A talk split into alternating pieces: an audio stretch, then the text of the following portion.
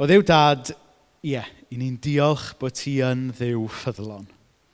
Ac er bod e'n anodd gweld hynny weithiau pa mae bywyd yn brysur a pa mae bywyd yn anodd falle, ond i ni yn dewis dweud bod ti yn ffyddlon. I ni'n diolch am yr hyn i ni newydd glywed nawr am y ffordd nath Mena a Tristan yn brofi dy ffyddlondeb di, ac i ni'n gofyn ti fod efo rhai lle falle dwi e heb fod mor amlwg ar, ar hyn o bryd. Ond da ni yn credu ac yn diolch bod ni'n cael addoli ti, y Dyw sydd yn ffyddlon. Amen. OK, felly pan dwi'n pregethu yn oed fan y nos tymor yma, da ni'n edrych ar lythyr Pôl at y Galatiaid. A da ni wedi cyrraedd penod 3 erbyn hyn. Felly mae'r darlleniad yn dod o benod 3, a da ni am ddarllen rhai adnodau o ddechrau'r benod 3 a wedyn neidio i'r rhai adnodau ar ddiwedd y benod. Chi bobl Galatia, ydych chi wir mor dwp â hynny? Pwy sydd wedi'ch hudo chi? Cafodd ystyr marwolaeth Iesu y Myseia ar y groes ei esbonio'n glir i chi? Atebwch un cwestiwn. Ddaeth yr ysbryd glân i'ch bywyd chi drwy chi gadw'r gyfraith iddewig yn ddeddfol neu drwy chi gredu'r neges am y A chai ddim credu eich bod chi mor ddwl. Ar ôl dechrau byw dan ddylanwad yr ysbryd, ydych chi'n mynd i geisio gorffen y daith yn eich nerth eich hunain? Gawswch chi'r holl brofiadau yna i ddim byd? Mae'n anodd gen i credu hynny. Ydy Dyw yn rhoi ei ysbryd i chi ac yn gwneud gwirthiau yn eich plith chi am eich bod chi'n cadw holl fanion y gyfraith iddewig? Wrth gwrs ddim. Ond am eich bod chi wedi credu. Ac yna neidio i adnod 28. Sdim ots os ydych chi'n iddew neu'n perthyn i genedl arall, yn geithwas neu'n ddynesydd rhydd, yn ddyn neu'n wraig, dych chi gyd fel un teulu sy'n perthyn i'r Myseia Iesu. Os dych chi'n perthyn i'r Myseia, dych chi'n blant i Abraham, a byddwch yn derbyn yr holl bethau da mae Dyw yn wedi ei haddo. Felly, i chi sydd wedi bod yma yn osweithiau Sul diwetha pan dwi wedi pregethu, byddwch chi'n cofio falle fod y Galatiaid yn bobl sydd wedi credu y newyddion da am Iesu. Fod rhywun yn cael dod i berthynas efo Dyw, fod pobl yn cael dod yn rhan o'r ddynoliaeth newydd mae Dyw yn ei greu drwy ffydd yn Iesu y Meseia. Dyna oedd y gwirionedd nath y Galatiaid gredu i gychwyn. Ond wedyn fe ddath pobl eraill heibio. A dweud wrth y Galatiaid, hold on nawr, be mae'r Pôl yna wedi bod yn dweud wrthych chi? I chi ddim wedi credu'r lol yna, mae Pôl wedi bod yn ei bregethu gobeithio. Na, na, na, na, na. Mae'n iawn i chi gredu yn Iesu Myseia, ond i fod yn un o bobl diw go iawn, mae rhaid i chi sticio at y traddodiadau a'r defodau iddewig. Yn bennaf, hogiau, mae rhaid chi gael eich enwedu. Ac oedd y Galatiad wedi llithro nôl i feddwl fod ffydd yn Iesu Grist ddim yn ddigon. Mae gyda ni hen emyn Cymraeg, Iesu, Iesu, rwy ti'n ddigon. Ond oedd y Galatiad wedi llithro nôl i'r ffordd grefyddol o feddwl am bethau. A meddwl bod, ie, yeah, mae ffydd yn Iesu'n iawn, ond hefyd bod rhaid cadw traddodiadau a defodau iddewig er mwyn cael bod yn un o bobl dew go iawn. Trwy ras dew yn llythrenol, dydy enweidi ddim yn rhan o'n traddodiad ni heddiw yn yr eglwys. Um, ond i ni yn gallu gadael i draddodiadau a defodau slipio mewn i'n bywyd ni fel Cresnogion yn dydyn? Ac yn gallu rhwystro pobl weithiau rhag gweld Iesu am bwy yw e. Yn yr un ffordd ag oedd yr, yr, yr iddewon yn gweld ei ffydd a'i diwylliant a'i cenedl fel un peth, da ni fel Cymru oherwydd yn traddodiad Cresnogol ni'n gallu llithro mewn i'r un peth. Da ni'n gallu gwneud y camgymeriad o ddweud mae ffydd yn Iesu ydy'r unig beth mae rhywun angen. Ond cyn bod ni'n derbyn nhw go iawn, da ni'n disgwyl iddyn nhw ddod yn rhan o'n diwylliant Cymraeg, weithiau, chydig bach yn dosbarth canol, cyn y gwnewn ni trystio bod nhw'n berson Dyw go iawn. Da ni hefyd yn gallu gwneud y camgymeriad o ddweud mae ffydd yn Iesu sy'n cyfri, Ond wedyn, dyn ni'n chwilio allan bod y person yn mynegu neu yn cael yr un profiad falle o'r ysbryd neu rhywbeth fel ni. Union yr un profiad yn ni cyn y gwnewn ni drystio bod nhw'n berson dew go iawn. Neu, da ni'n gallu gwneud y camgymeriad hefyd o, o ddweud mae ffydd syml yn Iesu sy'n cyfru, ond da ni'n disgwyl bod rhywun yn cytuno efo ni efo union rhywun peth ar bopeth cyn y gwnewn ni drystio bod nhw yn gristion go iawn. So chi'n gweld yn sydyn reit, er bod e'n weiddi ddim yn isiw yn yr eglwys heddiw, eto, da ni yn gadael i trets diwylliannol eraill ffactora weithiau, dydyn, os da ni ddim yn bod yn ofalus. A dyna wnaethon ni edrych arno um, tro diwetha. So, yr un thema sy'n cario ymlaen mewn i benod tri fan hyn – Sef y cwestiwn pwysig o pwy ydy plant Duw? Dyma yw y cwestiwn pwysica neu un o'r cwestiynau pwysica gallwn ni feddwl amdano. Wrth gwrs, mae yna gan enwog gan Dafydd Iwan sy'n meddwl fod yn ateb y cwestiwn. Mi glywais ddweud fod pawb yn blant i ddew. Nawr, ar un olwg, mae Dafydd Iwan yn iawn. Yn yr ystyr, bod Dyw wedi creu pob un ohono ni o bob chwyth a pob iaith ar ei lun a'i ddelw fe. Ond eto, os i ni'n edrych ar y Beibl, i ni'n gweld, er fod Dyw wedi'n creu ni, mae Dyw yn rhoi rhyddid i ni hefyd i wrthod e neu i'w ddewis e. Ac os i ni'n edrych ar y, ar y Beibl, mae'n amlwg, er fod Dyw wedi creu pawb, fod rhaid i bawb ymateb a dewis dod yn blentyn i ddew hefyd. Does neb fel petai yn cael ei eni yn gristion. Ond mae pawb, neu fe ddyle pawb, a dyna pam fod cenhadaeth yn bwysig, gael y cyfle i ddewis bod yn blentyn i ddew. A mae'r cwestiwn yma yn cael ei drafod yn penod tri, oedd e ddim yn y darlleniad, ond os gewch chi ddarllen mlaen yn eich amser eich hun, drwy ofyn y cwestiwn, pwy ydy gwir blant Abraham? Nawr, da ni fel Cymru yn wael iawn um, os da ni'n trio fatha sysio allan pwy ydy rhywun, fatha, da ni'n trio bod yn polite, ond go iawn beth da ni eisiau gofyn iddyn nhw yw pwy yw dy dad di. Mae hwnna'n gwestiwn Cymreig iawn i ofyn, yn dydy? Pwy ydy dy dad di? A wedyn, chyfod, um, gwybod, Eiros, gael Eiros Chwerthin, Tad Eiros, big on Twitter. Ie. Yeah. pwy, pwy ydy dy dad di? Ac yn y, yn y benod yma, mae, mae Paul bron yn gofyn y cwestiwn yma. Tybod, pwy ydy dy dad di? Ai Abraham yw dy dad di? Ac yr isw fan hyn oedd, achos mae'r cwestiwn yma o pwy ydy gwir bant Abraham, actually yn ateb pwy ydy plant Dyw. A'r broblem fan hyn oedd fod yr Iddewon a'r Galatiaid oedd wedi dod dan ddylanwad yr athrawon yma o Jerusalem yn meddwl mae'r unig bobl oedd yn cael bod yn blant Abraham ac felly yn blant Dyw oedd Iddewon a pobl oedd yn fodlon dod yn Iddewon.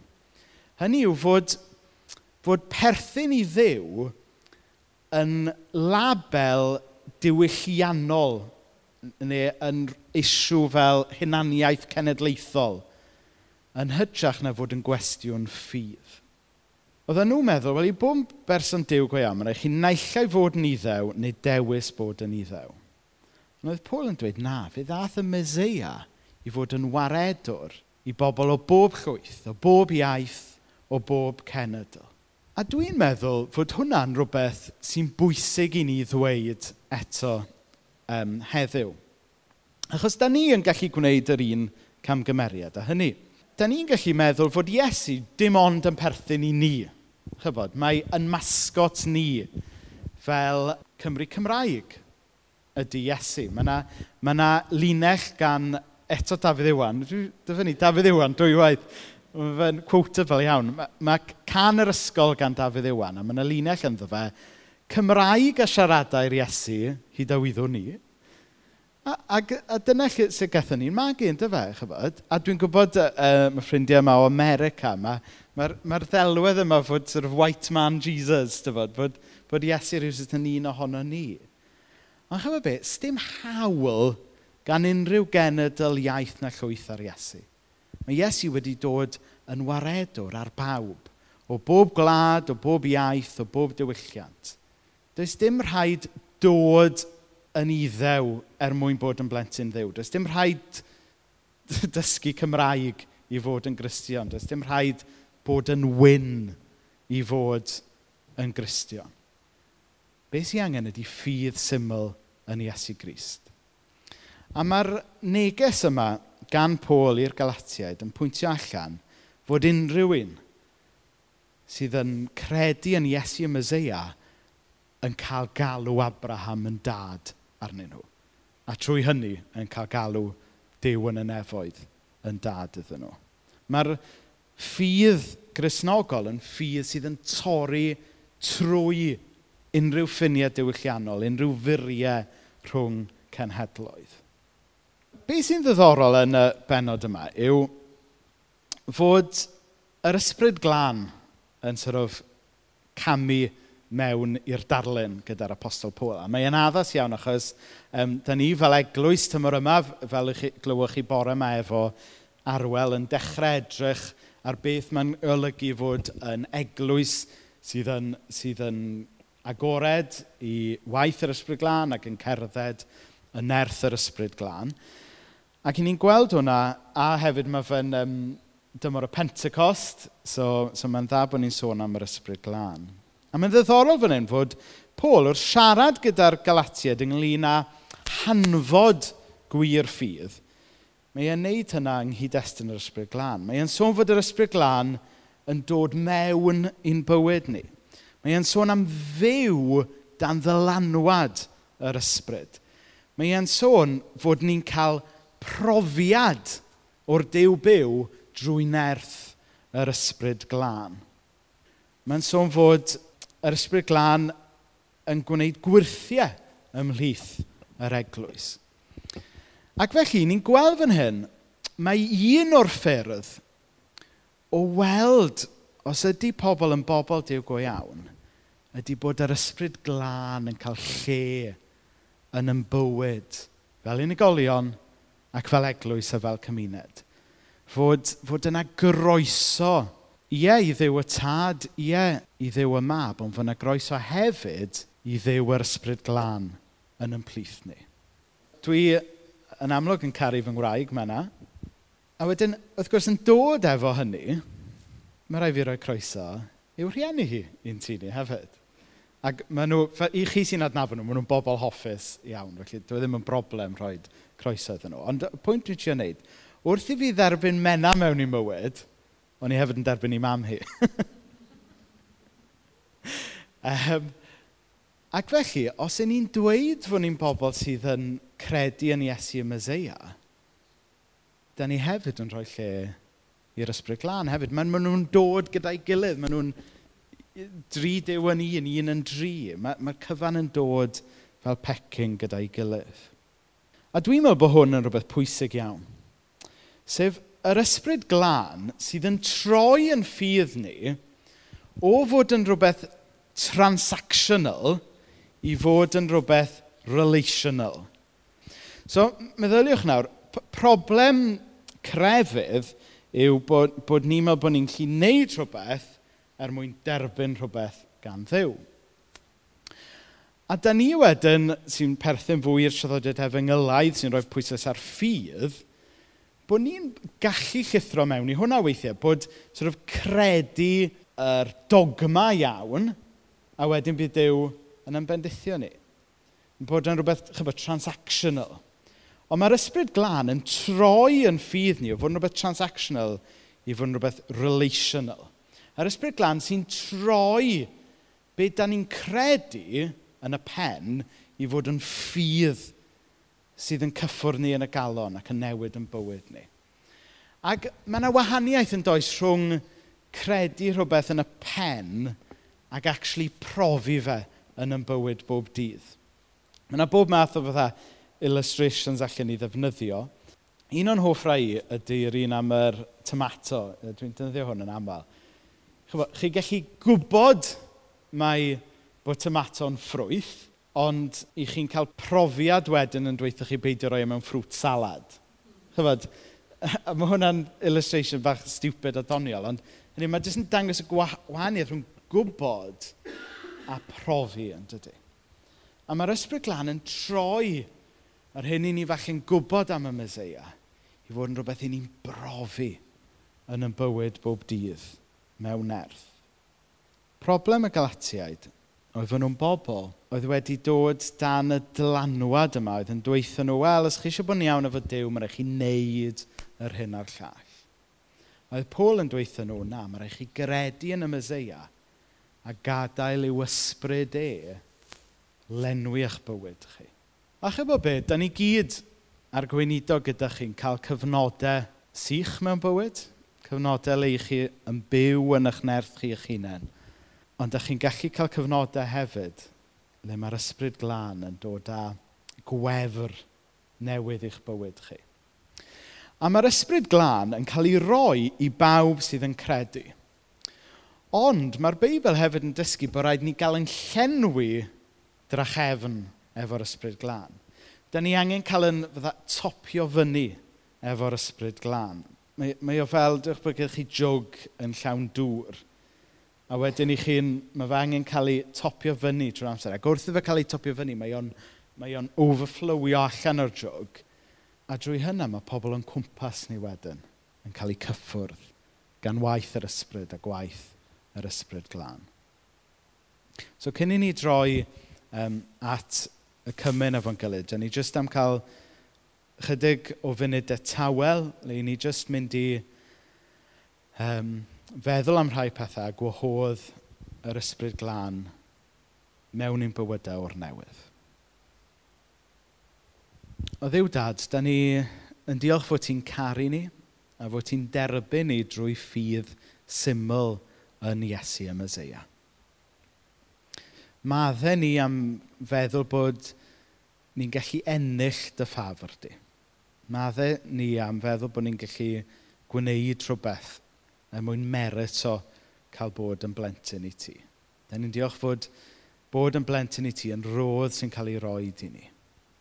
O ddiw dad, i ni'n gofyn i ti helpu ni weld le mae yna elfennau o'n diwylliant ni falle yn rhwystro eraill rhag gallu gweld Iesu yn bwy yw e.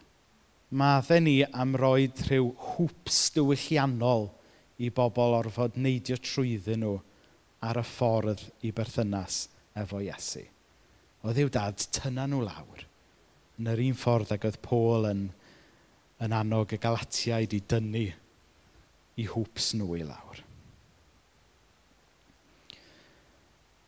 O ddiw dad, i ni'n diolch fod ni wedi clywed yn yr adnodau yma, mae un o arwyddion um, dy bobl a dy blant di yw fod gwaith yr ysbryd yn rhywbeth real ac yn rhywbeth byw. Ac oedd Dduw dad i ni yn hiraethu, i ni'n sychedu, y gwnewn ni brofi mwy o waith dysbryd di yn, yn, yn yn bywyd ni fel unigolion, yn yn bywyd ni fel eglwys ac hefyd yn yn gwlad ni. Tyryd ysbryd glân.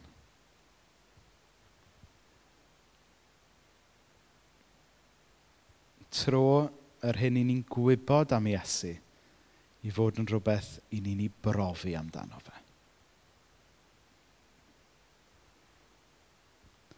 Tro yn crefydd a'n traddodiad ni i fod yn fywyd.